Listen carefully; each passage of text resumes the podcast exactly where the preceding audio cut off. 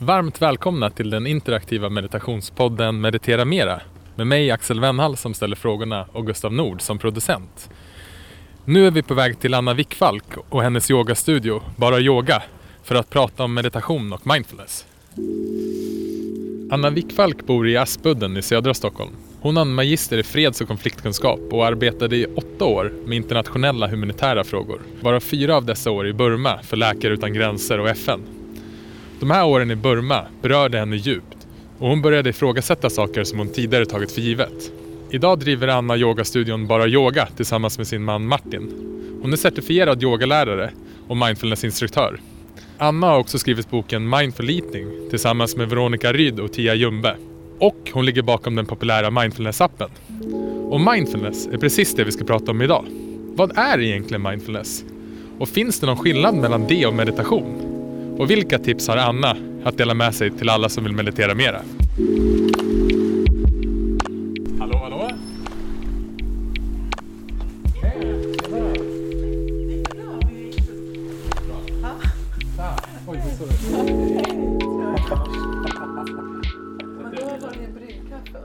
Vad kul att vara här i din studio i Ja. Aspudden. Kul att ni är här. Tack. Jag tänkte att vi skulle göra en, en kort landningsmeditation när vi sätter igång vårt samtal. Ja. Och jag tänker att ni som lyssnar på det här också kan vara med. Så eh, vi kan ju ha vår uppmärksamhet här med våra sinnen eller så har vi vår uppmärksamhet i våra tankar. Och det bästa sättet att förflytta uppmärksamheten till nuet är att kunna göra det med till exempel med vår kropp. Så ni behöver inte göra någonting särskilt men bara rikta er uppmärksamhet till era händer. Vilka fysiska sensationer känner ni i era händer nu? Ni kanske håller i någonting eller har på er ett par varma handskar. Vad den än är. Rikta din uppmärksamhet till dina händer.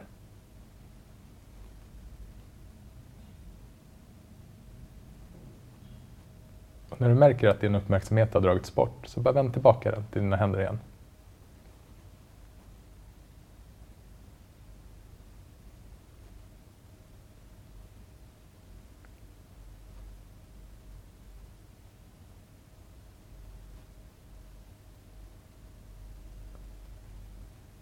Så. En väldigt kort landningsmeditation med händerna. Hej Anna, Hej, hur är läget? Axel och Gustav. Ehm, det är bra. Jag tycker, det. jag tycker det har varit en härlig vecka. Nu, nu har jag inte varit ute så mycket idag, men igår, jag är så fortfarande fylld av den dagen igår. Mm. Det var så här vitt och fint. Vi är ju nu i, i, jag höll på att säga hemma hos dig, det är vi inte, men vi är he- hemma i din yogastudio här i Aspudden på Bara Yoga. Mm. Och eh, det är inte första gången jag är här, utan jag har ju varit här två gånger, Mm. eller 16 gånger. Ja. Jag har varit här på två olika kurser. Mm. Och jag minns det så väl. Jag minns vår första kontakt. Eh, det var när jag slutade mitt förra jobb som PR-konsult. Just det. Och då fick jag ett presentkort till dig. Mm. För de visste att jag var intresserad av mindfulness. Och jag skrev till dig eh, att jag ville få någon typ av coachning. Eh, och så kommer jag ihåg att jag fick ett långt mejl tillbaka. Och där du skrev någonting om, var med i den här mindfulness-kursen. Jag kommer ihåg att jag blev lite irriterad först. Jag bara, "Hallå, hallå, jag vill bara ha en coachning, vad är det här för någonting? Mm. Och sen gick jag tillbaka och så läste jag det mejlet jag hade skrivit till dig. Och så läste jag ditt svar igen. Och så såg jag att nej men du, hade ju, du hade ju verkligen läst mitt mejl. Och verkligen så här, ja men det här är det du vill. Och då rekommenderar jag det här.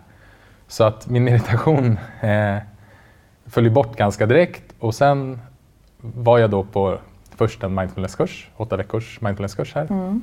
Och sen också gjort en, någon typ av fortsättning i mindfulness self-compassion. Mm.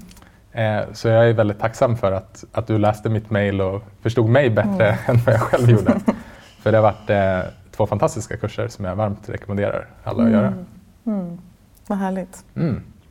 Och just mindfulness tänkte jag att vi skulle prata lite mer om idag. Mm. Eh, men jag är lite nyfiken på hur kom du i kontakt med mindfulness först? det är så spännande för jag satt och tänkte på det. Mm, jag har tänkt mycket på det den senaste tiden för att det är 20 år sedan i år. Och ehm, eh, jag ska tillbaka till den platsen för första gången nu om, om två veckor. Eh, och göra ett retreat på samma ställe. Inte på samma ställe men på samma ö. Ehm, så för mig var det... Jag hade inte hört någonting om mindfulness.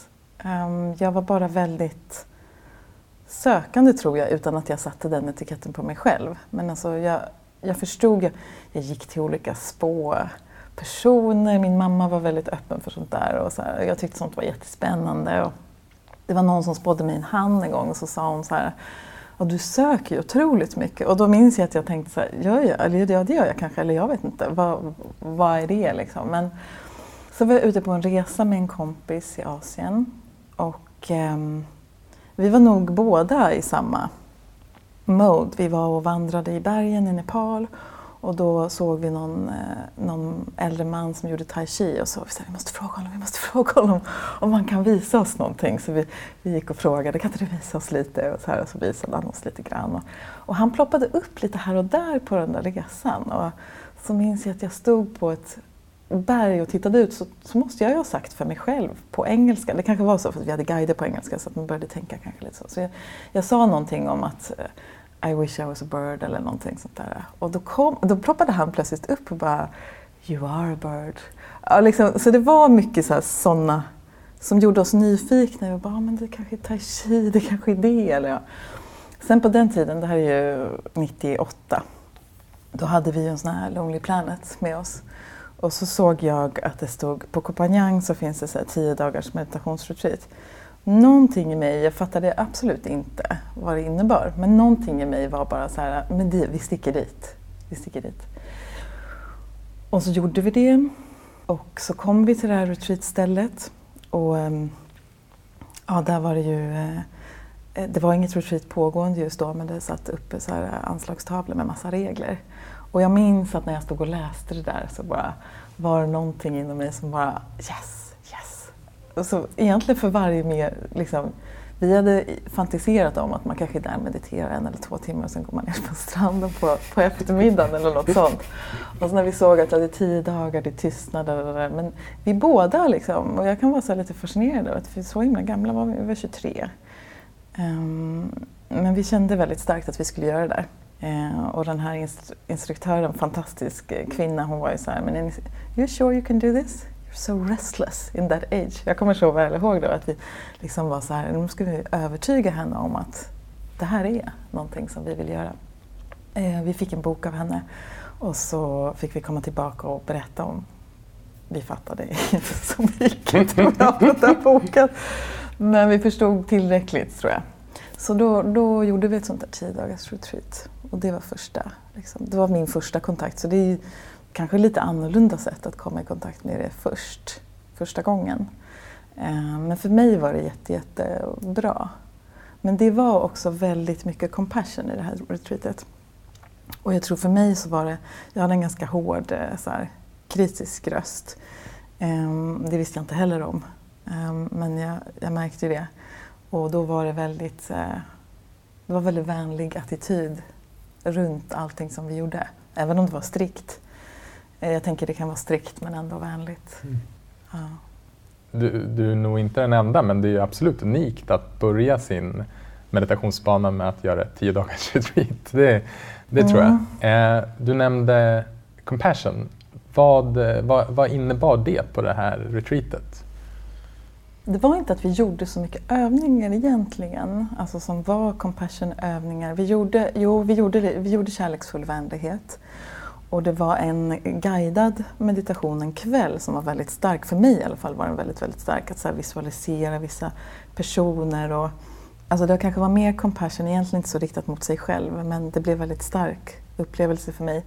Sen upplevde jag att de här personerna som höll i det, och det har jag efter att jag har gått på massa andra retreat förstått hur unika de var.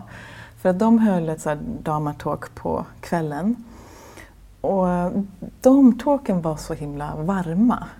Um, och det var som att de visste exakt var man befann sig. Så jag kunde känna lite så oro efter hela dagen i tystnad. Och sen när jag hade hört på deras talk, eller så var det bara att det var rätt just för mig. men det var också mycket humor och det var, ja, det var inte det här hårda lite som jag har träffat på också. Eh, så det betydde väldigt mycket. Sen var det också min första kontakt med, med mindful eating. Att vi verkligen så blev uppmuntrade till att äta i närvaro och respekt för maten och alla som har lagat den och sådär. Och jag kom ju från en period när jag var tonåring med, ät, liksom, ja, med ätstörningar och var inte fullt läkt även om jag trodde att jag var det. Så det var också en sån där fantastisk upplevelse att så här, få sitta i tystnad och äta och ja, hedra, det var ju så fantastisk thailändsk god mat, få hedra den på det sättet. Så det minns jag också väldigt starkt. Att jag lyckades inte behålla det efter retreatet men, men eh, det var ändå någonting som drog mig tillbaka till att vilja utforska mindful eating senare. Så, sen hade man ju tre samtal med de här två personerna och det var också jag minns inte exakt vad vi pratade om, jag minns väldigt mycket värme och humor i de där samtalen. Liksom, skratt och så. Mm. Det låter som att det var klätt med kärlek och humor och närvaro. Ja, ja. ja verkligen. Jag tänkte bara flika in, ett Dhamma Talk är ju en typ av föreläsning mm. som oftast brukar ges på kvällarna i retreats. Mm. Nej, men det, var, det var fantastiskt. Det var en fantastisk upplevelse. Både jag och min man var ju... Um, han hade börjat lite med yoga, alltså fysiska delen av yogan asanas och jag hade börjat med meditationen. Och vi ville väldigt gärna, dels eftersom vi jobbade med biståndsarbete då, så ville vi väldigt gärna eh, till, vi ville komma närmare det som vi jobbade, så vi ville gärna ut på fält, som det heter i den världen, i fält. Um, och så ville vi väldigt gärna till Asien eftersom ja, meditationen och det fanns där. Och Burma var ju lite så drömland. Det var ju det fanns ju något sånt där som jag senare har vänt mig emot, men då så här, det fanns ett romantiskt skimmer över Burma. Det var liksom så slutet och det var Aung San Suu Kyi och, som satt i husarrest och allt det där.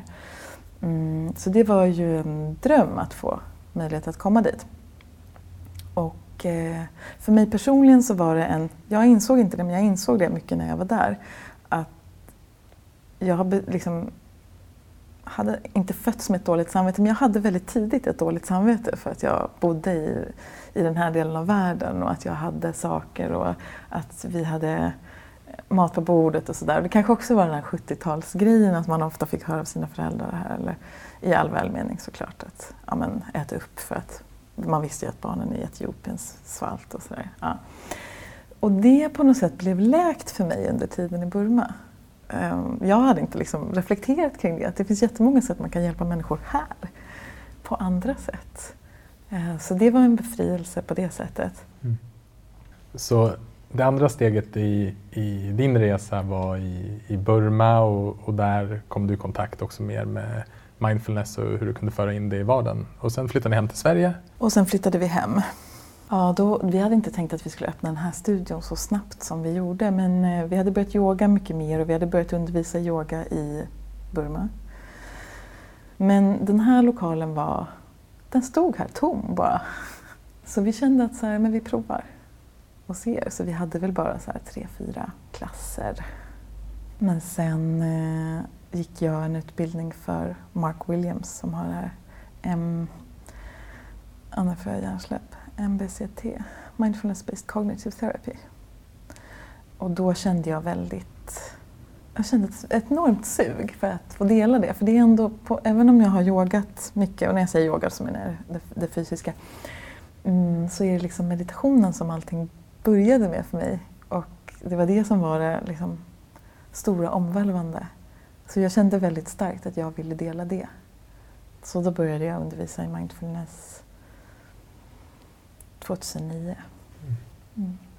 Det ledde mig in på mindfulness är ett ganska trendigt begrepp idag och mm. som används till det mesta höll jag på att säga. Men skulle inte du kunna berätta vad, vad är din definition av mindfulness? Jag tycker det är lurigt för att om jag, om jag håller en föreläsning eller om jag har intro till exempel till en kurs och så, då brukar jag alltid ta den här, så här en vanlig definition som används. Men den kan vara så tung, men jag kan säga den ändå mm. och sen kan man bena upp den. Och det är ju att mindfulness är att rikta sin uppmärksamhet med avsikt till nuet um, eller det pågående ögonblicket utan att döma eller värdera eller med en intention om att inte döma eller värdera det.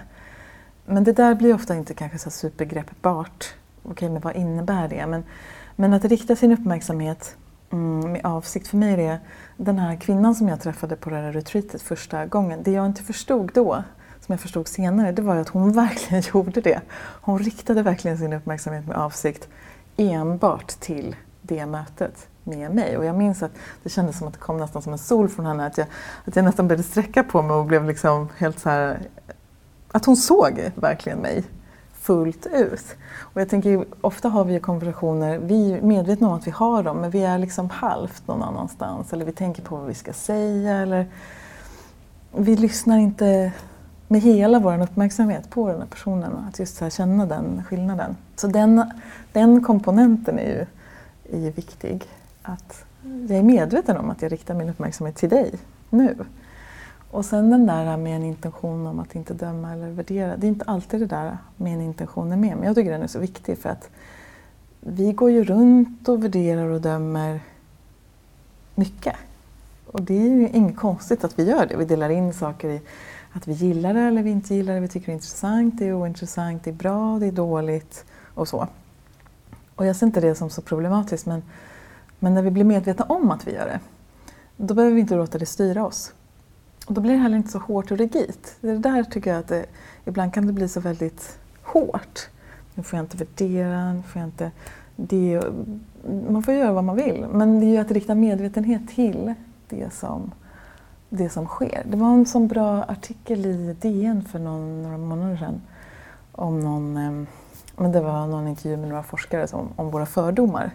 Och de sa ju att liksom det farligaste är ju när vi tror att vi inte har fördomar mm och går runt och bara, jag är helt fördomsfri. Och för då blir det jättesvårt att upptäcka när de dyker upp. Så att öppna upp till att man är mänsklig, att man har dem. Men eh, ju mer jag medvetandegör dem, desto mindre behöver de påverka mitt beteende och vad jag gör.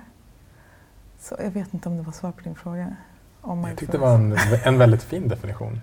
Och det jag oftast brukar prata om när jag mm. pratar om mindfulness är att att egentligen så är det ju ingenting märkligt eller någonting Nej. speciellt utan det är ett väldigt enkelt tillstånd mm. som, som vi kommer i kontakt med men vi kanske inte är riktigt medvetna om ah, vad det här mindfulness utan det handlar ju bara om att, precis som du säger, att vara här och nu mm. med allt vi har. Ja. Och, och, bli medveten om det som händer i vårt inre och det som händer i vårt yttre. Mm. En typ av sinnestillstånd ja. som vi övar upp mm. genom att meditera. Absolut. Och så många gånger, och senast den här veckan, så har jag hört det där att mindfulness skulle vara avslappning. Och att det är så, det verkar vara djupt liksom, rotat i, och jag vet inte var det kommer ifrån, men det kanske är för att man också gör kroppsskanning, man ligger ner och är tyst och stilla. Liksom, men, men att, eh, att den smyger sig in hela tiden. Och det är, ju, det är kanske inte så konstigt, för det är ofta en bieffekt att man kan känna sig avslappnad av olika övningar, men, men det är ju inte alls säkert att man känner så. Och som du säger, att när vi möter allt det som finns i vårt nu, ja ibland är det avslappning, eller, men ibland är det inte det. Men att få bort det där att, att man skulle kunna misslyckas eller att det finns ett mål. Och jag gillar verkligen också den där att, att det är inget komplicerat eller konstigt. Eller, och att vi alla är alla människor. Det finns ju de som är jättemindfulla, om man ska använda det, utan att de ens har den etiketten eller det ordet. Det här med avslappning är ju väldigt intressant för det stöter jag också på. Och det finns ju någon, jag ska inte kalla det paradox, men, men i många av meditationsövningarna så bygger det också på att helt och hållet slappna av fysiskt i kroppen. Mm. Men vara så alert i sinnet. Mm. Och jag tror att det är eventuellt det som kan göra att att bara, att bara få slappna av helt och hållet i kroppen, att inte behöva hålla upp eller spänna sig, mm. eh, gör att man förknippar det med avspänning. Ja. Jag brukar använda den här metaforen att, att när man sitter och mediterar så är det ungefär som att lyssna på en bra låt som du ska få lyssna på första gången. Du behöver inte göra någonting med kroppen, du kan bara sjunka ner i en soffa eller vad som helst. Men du vill ju, har ju fortfarande den här intentionen om att verkligen Mm. höra varenda, Mm. varenda textrad, varenda melodislinga. Mm. Ehm, vilka andra typer av missuppfattningar stöter du på om mindfulness? Ja, men det finns ju den här, ehm, ja, som finns fortfarande, att det skulle vara flummigt. Jag vet inte riktigt var den kommer ifrån, men ja, den, den ploppar upp Mm. ibland. Men den är ju så lätt att bemöta idag när Mm. det finns så himla mycket forskning. Och Mm. då brukar det ju vara mest effektivt att verkligen plocka fram all hjärnforskning. Ja. Och allt som man kan se händer i hjärnan. Och så. Det blir väldigt konkret. Vad mer?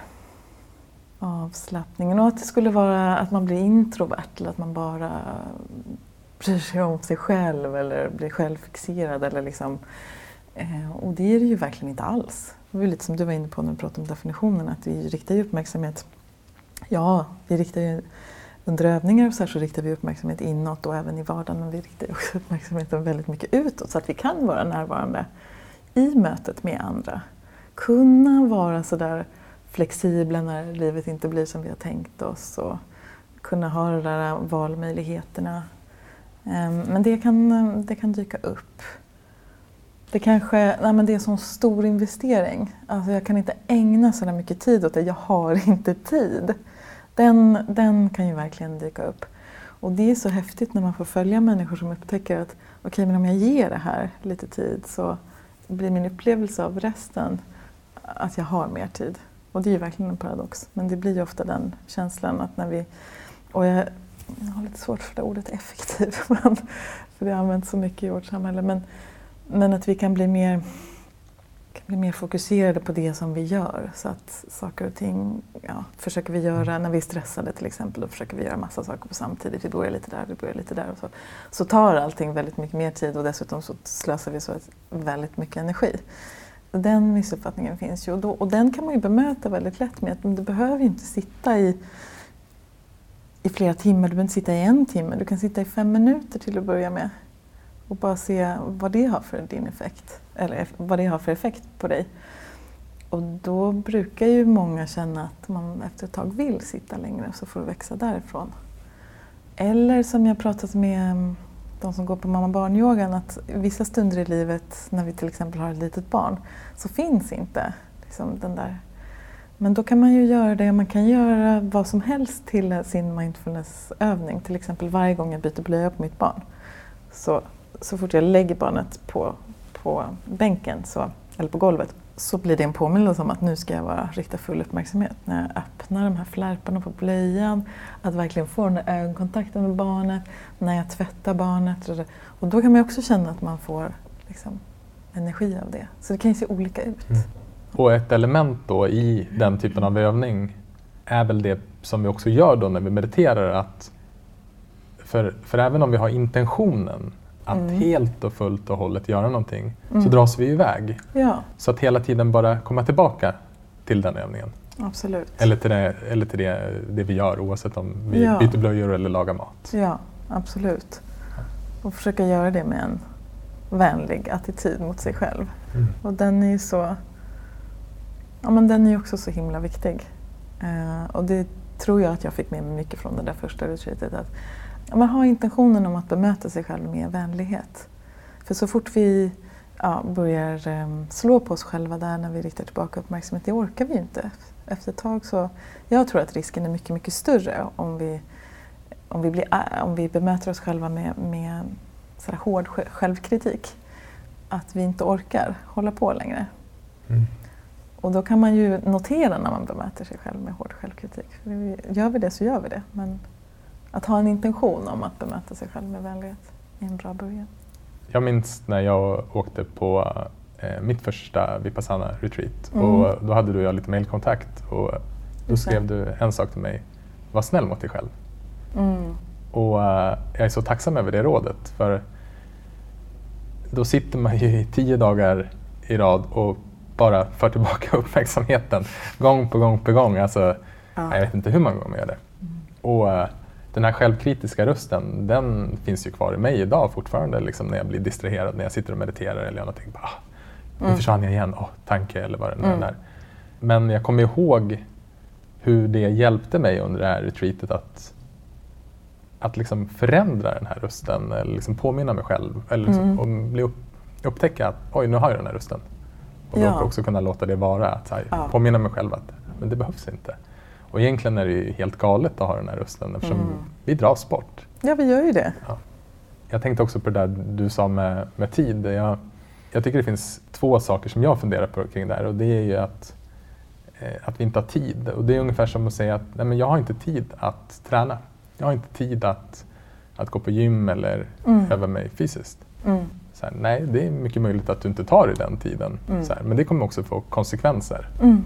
fysiska konsekvenser. Ja. Och, och jag skulle vilja hävda att, att om man inte tar sig tid för det mentala så kommer det få mentala konsekvenser. Mm. På så sätt har det varit så himla enkelt, som jag alltid har hållit på med idrott och sådär, så jag har kunnat översatt då mycket av, Mm. eh, av meditationen och mindfulness med någon typ av eh, ja, men välbefinnande som jag också får av den fysiska träningen. Mm.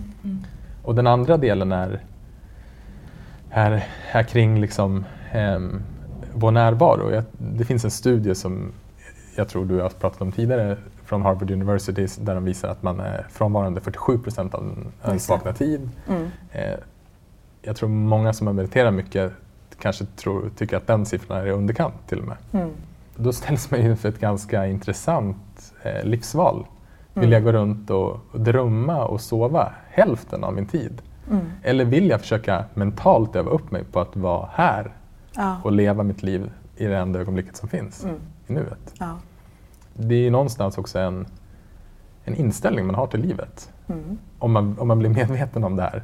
Och blir man det så, så har det i alla fall varit för mig väldigt svårt att, att negligera den här Mm. insikten. Mm. Jag är så glad när du tar upp den där att vi pratade så mycket om det här med att och det kanske man behöver prata mer om det här att det är naturligt att man får iväg. För det tycker jag att jag märker många som jag träffar att nej men det där med meditation, man- nej det, det är ingenting för mig vet du. Jag kan inte hålla uppmärksamheten längre än 10 sekunder eller så här. Och så att man kanske tror att så här, Välkommen men till jag klubben! kan inte det här liksom. Ja men precis, välkommen till klubben. Welcome to the human race! Och det är väl också en, en, missuppfattning som man kan höra ibland, att, att det handlar om att man inte ska ha några tankar. Då, check på den nu. Liksom. Och, så den får man ju verkligen, får ju vi alla hjälpas åt att Mm. Förmedla att det handlar inte om det. Alltså vi kommer alltid ha tankar som för och sådär. Och det betyder inte att man är dålig, men det är kanske också att vi lever i om man får kalla vårt samhälle för ett prestationssamhälle på det sättet att det är så mycket som handlar om prestation och bra, eller liksom att man gör saker bra eller, eller dåligt. Så här. Och då är det så lätt att man för in det i meditationen. Att nej, jag var tydligen inte bra på det här. Mm, Eh, så. verkligen. Ja, men jag känner igen mig jättemycket i det. Och också har jag börjat fundera på det här med att vi, vi är ett sånt snabbt samhälle hela tiden. Så ibland, och inte helt ovanligt när vi har introklasser i yoga, det är ju en introduktionsklass. Det betyder ju att man inte har gjort det förut. Eh, eller inte så mycket i alla fall. Så, så är det inte ovanligt att folk liksom berättar det redan innan de har kommit in på mattan. Och så här, Nej men alltså jag kan ingenting. Eller alltså jag har inte... Och då börjar vi med bara med liksom så här, varför känner vi att vi måste kunna saker innan vi ens har börjat göra dem? Alltså ge sig tid att få öva upp någonting. Liksom, att det får ta tid. Så här. Den attityden är ju magiskt att ha med sig när man ska meditera. Mm. Oavsett hur länge man har mediterat. Ja, Jag kan ingenting. Jag vet inte alls vad som kommer hända nu. nej. Och bara nyfiket försöka Mm. upptäcka. Ja. Men det är svårt för att det, det ligger ju djupt i oss, det ligger djupt i mig att jag har, jag märker själv att en av de eh, återkommande tankarna som, som eh, eh, drabbar mig, så- men som jag har, är, är just den här, nu har du mediterat i tre år. Här, Mm. Herregud, vad håller du på med? Hur kan du ha så här många tankar? Eller hur kan du vara så här frånvarande? Nej men Mm. det här går inte. Så du skulle föreställa någon typ av meditationscoach eller ha någon meditationspodd och att det liksom Ja. dyker in. Men så befriande att få tillåta sig själv att känna det och att liksom öppna upp för det. För på något sätt där, om man pratar om det här med avslappningen, så tycker jag att ah, det liksom kommer till någon slags acceptans. Liksom, ja men okej, så här är det och så här känner jag. Och i det på något sätt så finns det alla möjligheter. Nej, men jag, jag tänker på många av de meditationslärare som jag haft ehm, som har mediterat länge och äldre och så här, de har ju ofta en väldigt så här, upplever jag, det kanske de inte har men jag tror det, väldigt så här, vänlig attityd gentemot sig själv. Och nästan sånt där skratt som man hade när man var väldigt liten. Och så här fnissar nästan och bara ser ut som ja, så här, väldigt skön känsla runt. Och jag tänker att det är när vi också liksom fullt ut bara landar i att så här, så här är det. Och att vi inte behöver vara någonting annat än det.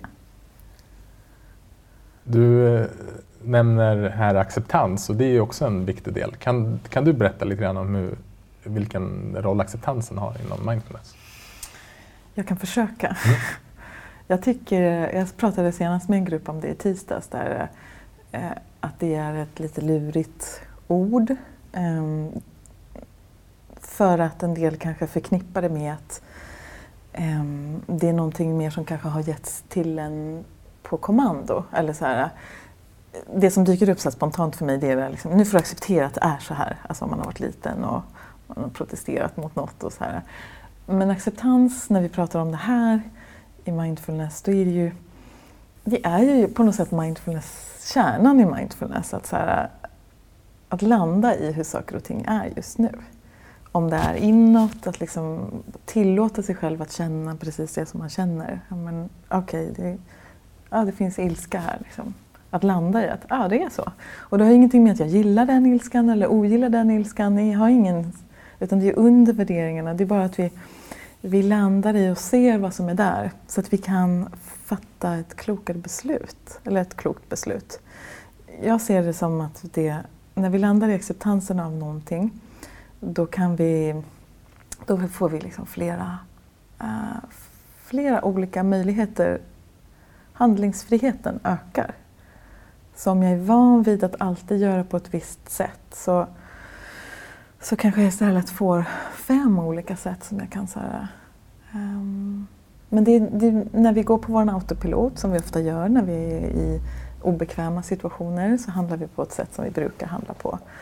Uh, som vi istället hinner med att så här, stanna upp och bara, okej okay, vad är det som pågår just nu? Ja, okej, okay, det är det här som pågår ah, hur vill jag göra nu? Eller ska jag inte göra någonting? Eller ska jag göra någonting? Så egentligen en, bara en plattform. Och, och där kommer ju på något sätt paradoxen in också. För att ibland så, så tolkas det som att okay, om jag accepterar den här situationen så blir jag passiv eller jag resignerar, jag gör ingenting, jag bara blir ett mähä. Som inte... Men det är det ju verkligen inte alls.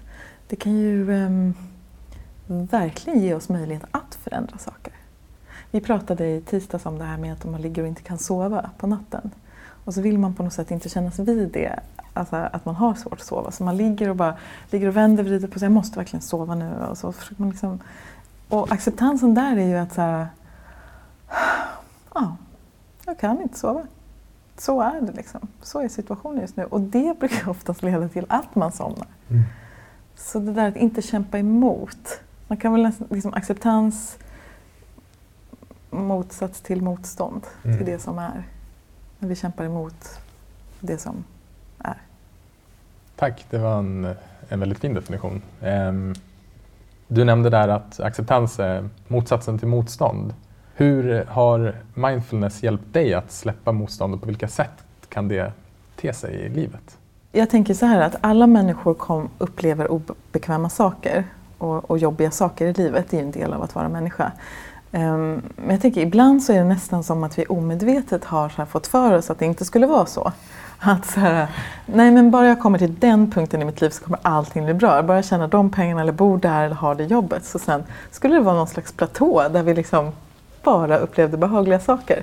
Inte att vi tänker det hela vägen ut, men någon slags drömbild om någonting längre fram. Och den kommer vi ju aldrig att hamna i. Så när vi på något sätt landar i acceptans av att jag kommer uppleva obehagliga saker, då behöver jag inte lägga på det här extra paketet. Tankar om det som jag upplever. Om jag, upp, jag råkar ut för någonting som... Eh, det kan ju vara så enkelt som att stå i en kö. Att det är lång kö, det går jättelångsamt i den kön. Så kan jag landa i att okej, okay, jag kommer stå här ett tag. Så är det. Även om jag önskar att, att det här skulle gå fortare. Men alla tankarna om ja, varför är den som säljs så? Varför ska alla pensionärer handla just nu? Eller varför eh, skulle den personen tömma sin, vad det nu är, eh, spargris?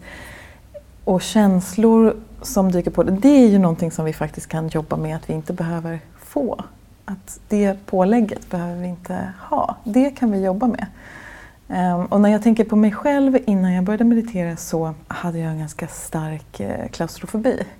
Och då... Um, dels har meditationen hjälpt mig att jag fått syn på var, var det kommer ifrån, från ganska eh, tidig barndom.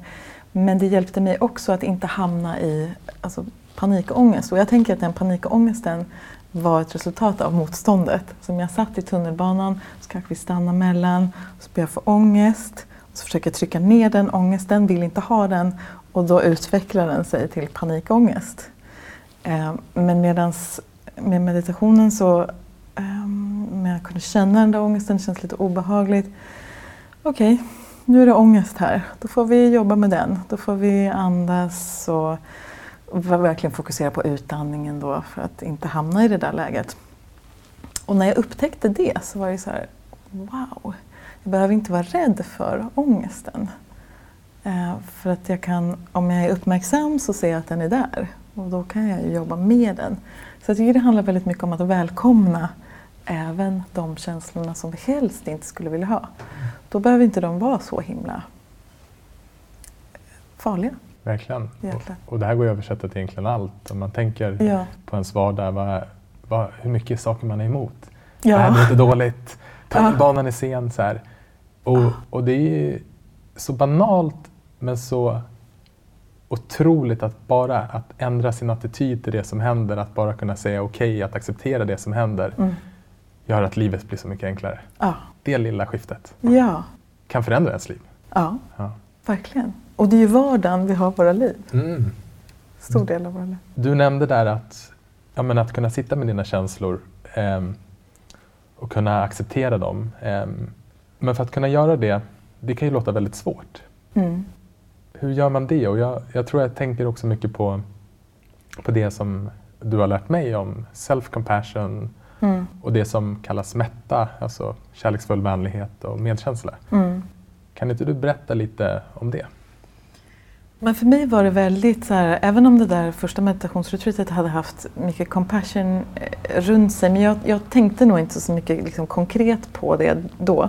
Så när jag hörde talas om självmedkänsla så var det också mycket min kollega när jag jobbade i Mindful Eating-projektet som, eh, som hade fångat upp det där och tyckte att det där kanske vi ska inkludera i vårt projekt. Så då läste jag Kristin Öfs bok om självmedkänsla och blev nyfiken och sa men jag hade inte trott efter att jag hade mediterat så länge innan att det skulle ha en sån stor effekt. Men eh, jag tycker att självmedkänslan, de verktygen som jag fått med där, verkligen har gjort det möjligt att landa i acceptans av de svårare känslorna som finns inom en. Att våga lyfta upp dem till ytan, skam som kan vara en väldigt obehaglig känsla att på något sätt tillåta. Eller när vi väl låter den få komma upp så är den ju inte så farlig som den utger sig att vara. Men att, att bara närma sig den, eller skuld eller...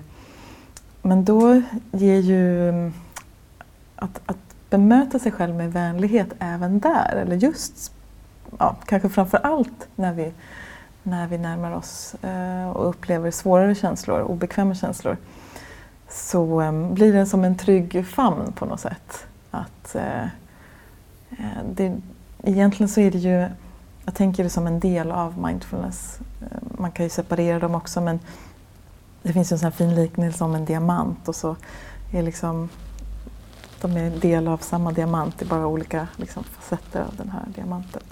Så på något sätt när mindfulness är, om man nu får använda ett sånt ord, fulländad, mm. så finns den här självmedkännande attityden där.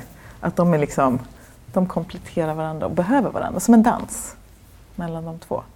Så den enklaste definitionen på självmedkänsla är väl att eh, behandla sig själv som man skulle behandla en god vän när den vännen har det tufft och jobbigt. Och om man då sitter och mediterar, eller egentligen när som helst i livet, men vi mm. Tar under meditationen då, mm. då sådana här känslor kan bli väldigt intensiva till exempel. Mm.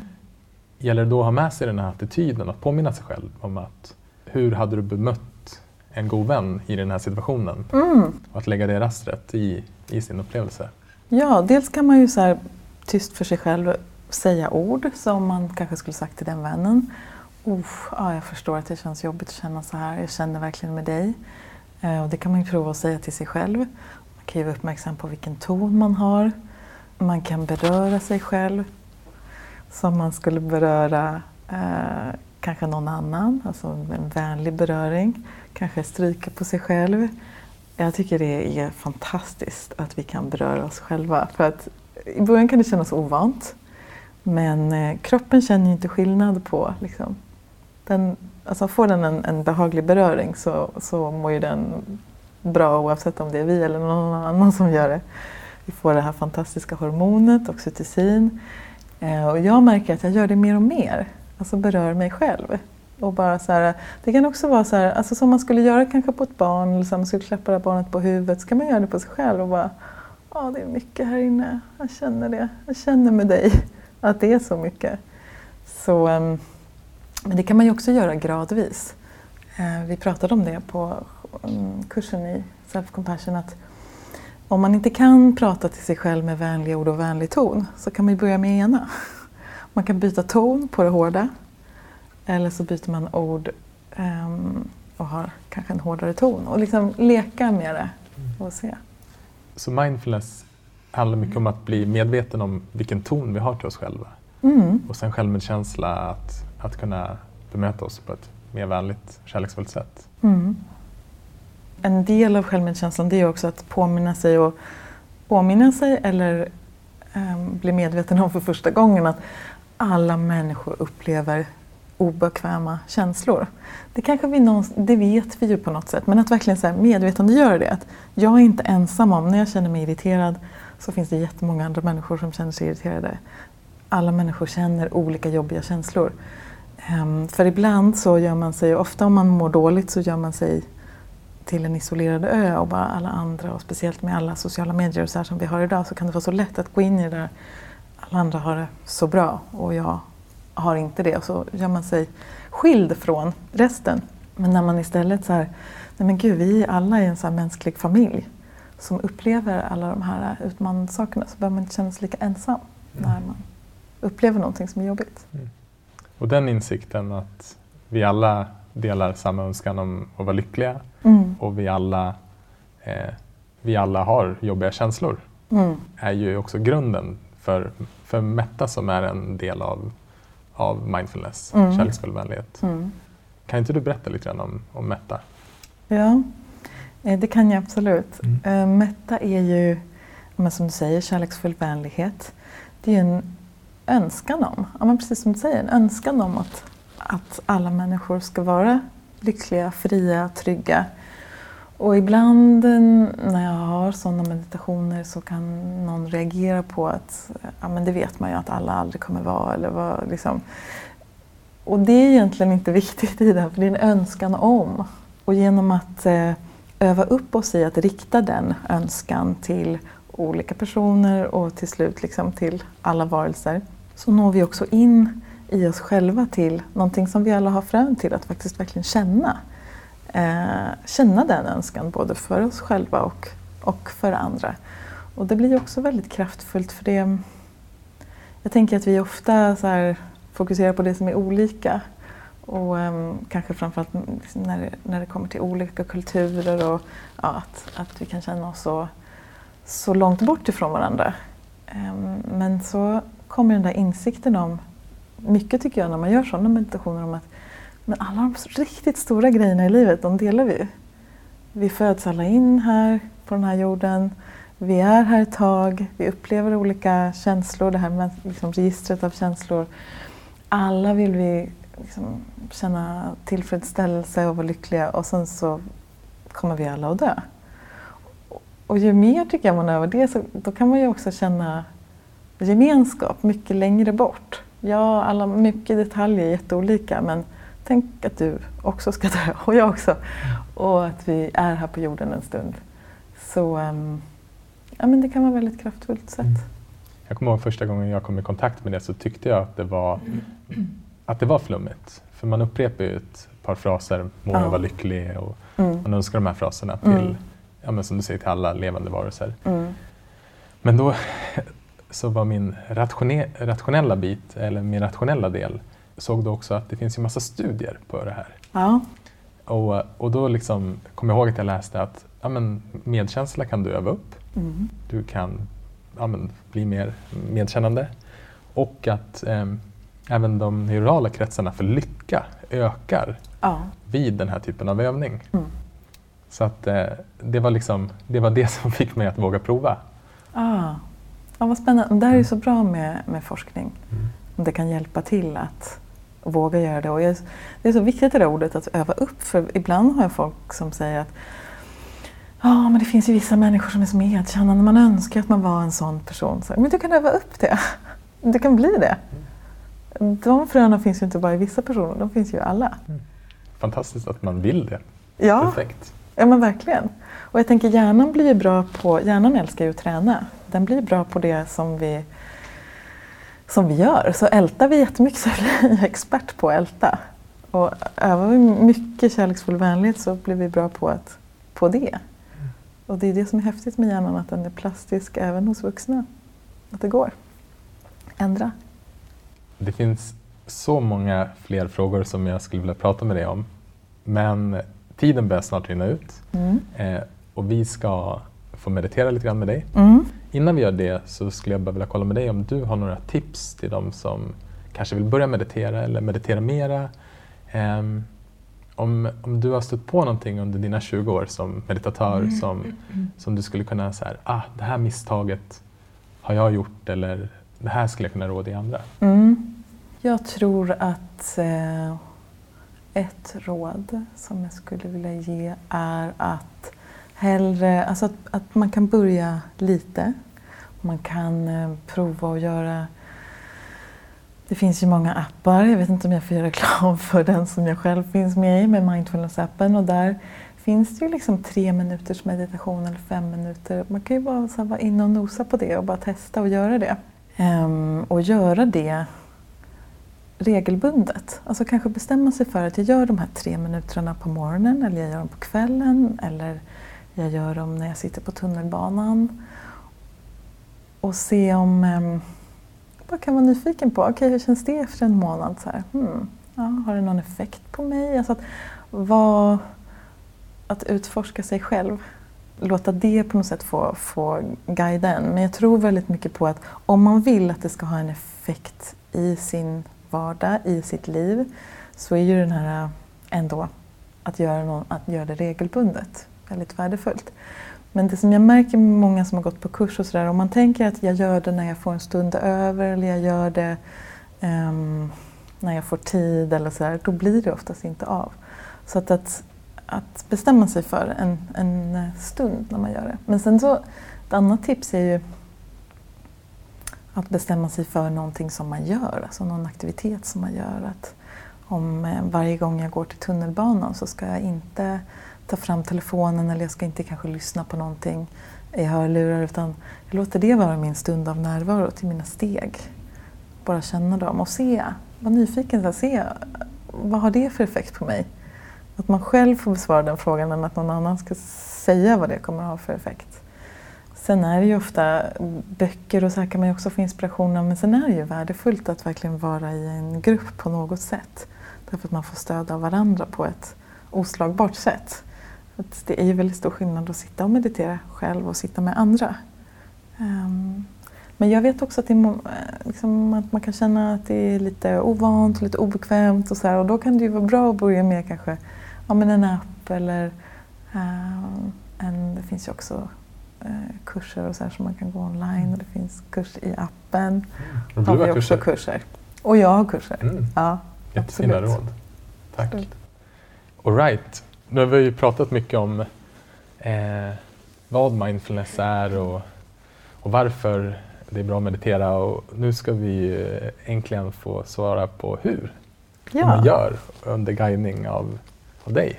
Ja, absolut. Och jag tänker för den som lyssnar att eh, bara det inte spelar någon roll om du sitter på golvet eller om du sitter på en stol. Och kan du inte sitta på golvet eller på en stol så kan du ligga ner också. Eh, men ibland finns det den här eh, idén om, apropå missuppfattningar och sådär, att man måste sitta på golvet eller så. Det går ju alldeles utmärkt att meditera på en stol också. Men se om du kan hitta en position som eh, gör att du kan eh, sträcka upp din överkropp om du sitter upp. För att vår position kan ju också hjälpa oss att vara närvarande om vi sitter på ett sätt som ehm, utstrålar vakenhet och närvaro kan det också vara lättare att, att stanna kvar i närvaro. Men vi vill heller inte komma så att vi sitter och spänner i kroppen. Så. Men du kan ta hjälp av kuddar och filtar om du behöver. Och om du känner dig bekväm med det så kan du sluta dina ögon. Och annars så kan du låta din blick hamna en bit framför dig.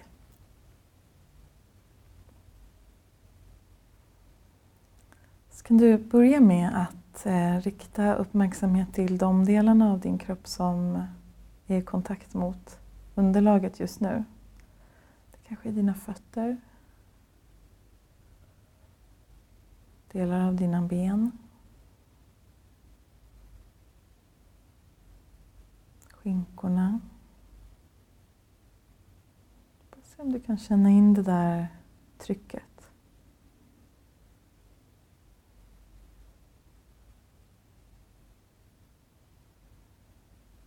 Så ge lite uppmärksamhet till överkroppen. Kanske gör någon liten justering om du behöver. Så kan du föra uppmärksamheten till ansiktet. Många små muskler här. Se hur det känns i ditt ansikte just nu.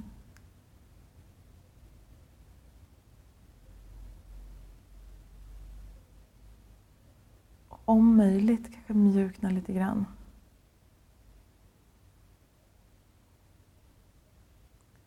Så kan du föra uppmärksamheten till axlarna. Det kan vara en sån där del av kroppen där vi går runt och spänner, håller utan att vi tänker på det. Så bara se hur det känns i dina axlar just nu.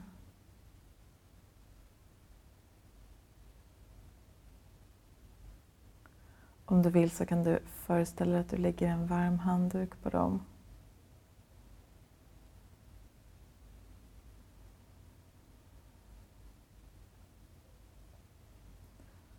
Se vad som händer.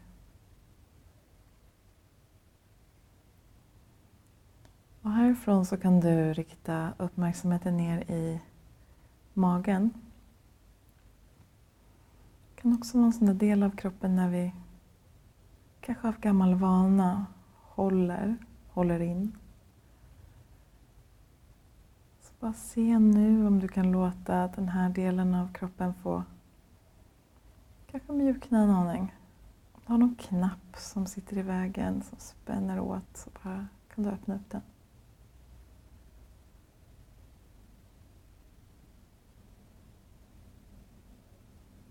Se om du kan känna hela din kropp nu. Från huden och in.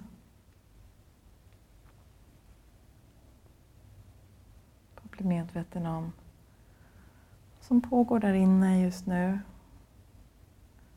Vibrationer. Kanske mm, pulserande. Kanske spänning.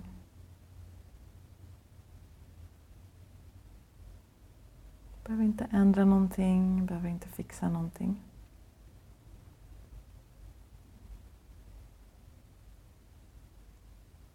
Härifrån så kan du eh, rikta uppmärksamheten till andetaget. Någonstans där du kan eh, känna andetaget just nu.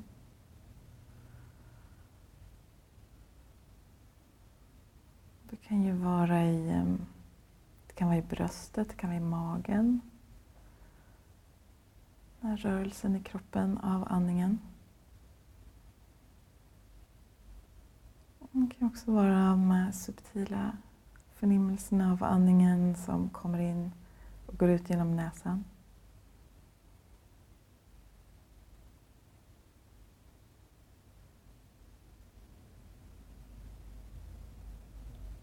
Så bara välj en plats där du känner andningen just nu.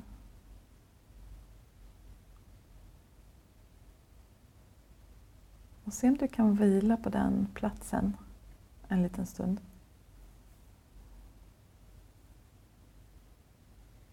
Du behöver inte göra om andningen på något sätt. Men om det skulle vara så att du inte är så van vid att uppmärksamma andningen och du känner att du forcera den lite grann och inte riktigt vet hur du ska andas naturligt så gör ingenting. Det brukar ge sig efter ett tag.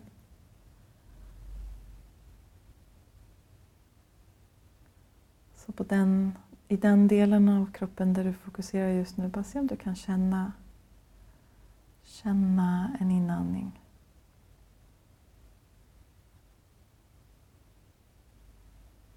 Känna en utandning.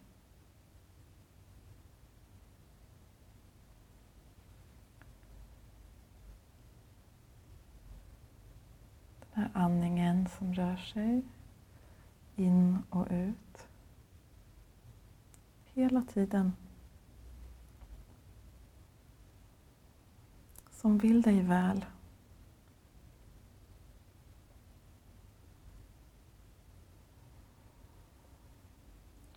Och skulle uppmärksamheten fara iväg, som den gör, så um, se om det kan få vara en möjlighet att att ehm, öva sig på att komma tillbaka med en vänlig attityd gentemot dig själv. Kanske påminn dig själv om att du inte är ensam om att det händer. Alldeles naturligt. Och även om du inte ehm, känner dig vänlig så kan vi ha en intention om att komma tillbaka med uppmärksamheten med en vänlig attityd. Det räcker.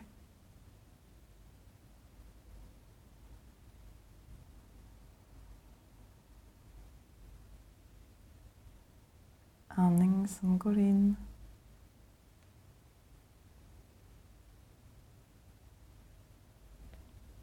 Och andning som går ut.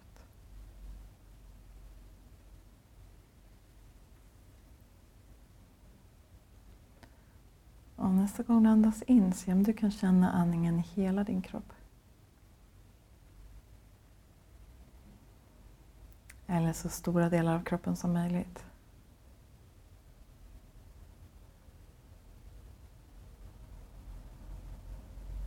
Som att kroppen var en enda stor lunga.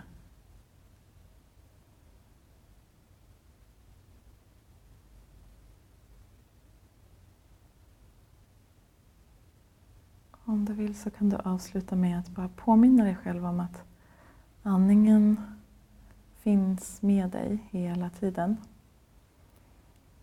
Och du kan rikta uppmärksamhet till den när som helst, var som helst. Kanske när det är lite kaotiskt runt omkring så bara prova att rikta uppmärksamheten till ett andetag.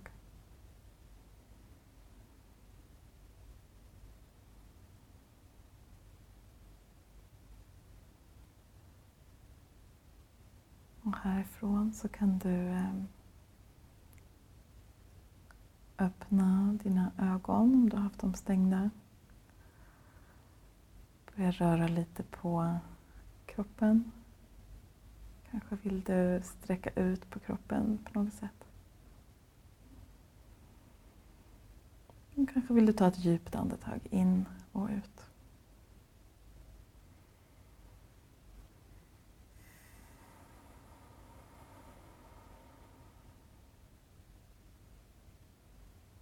Tack.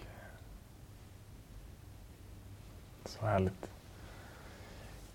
Vi ska släppa iväg dig. Tusen tack för att du har tagit dig tid och berätta om mindfulness och self-compassion och om din resa.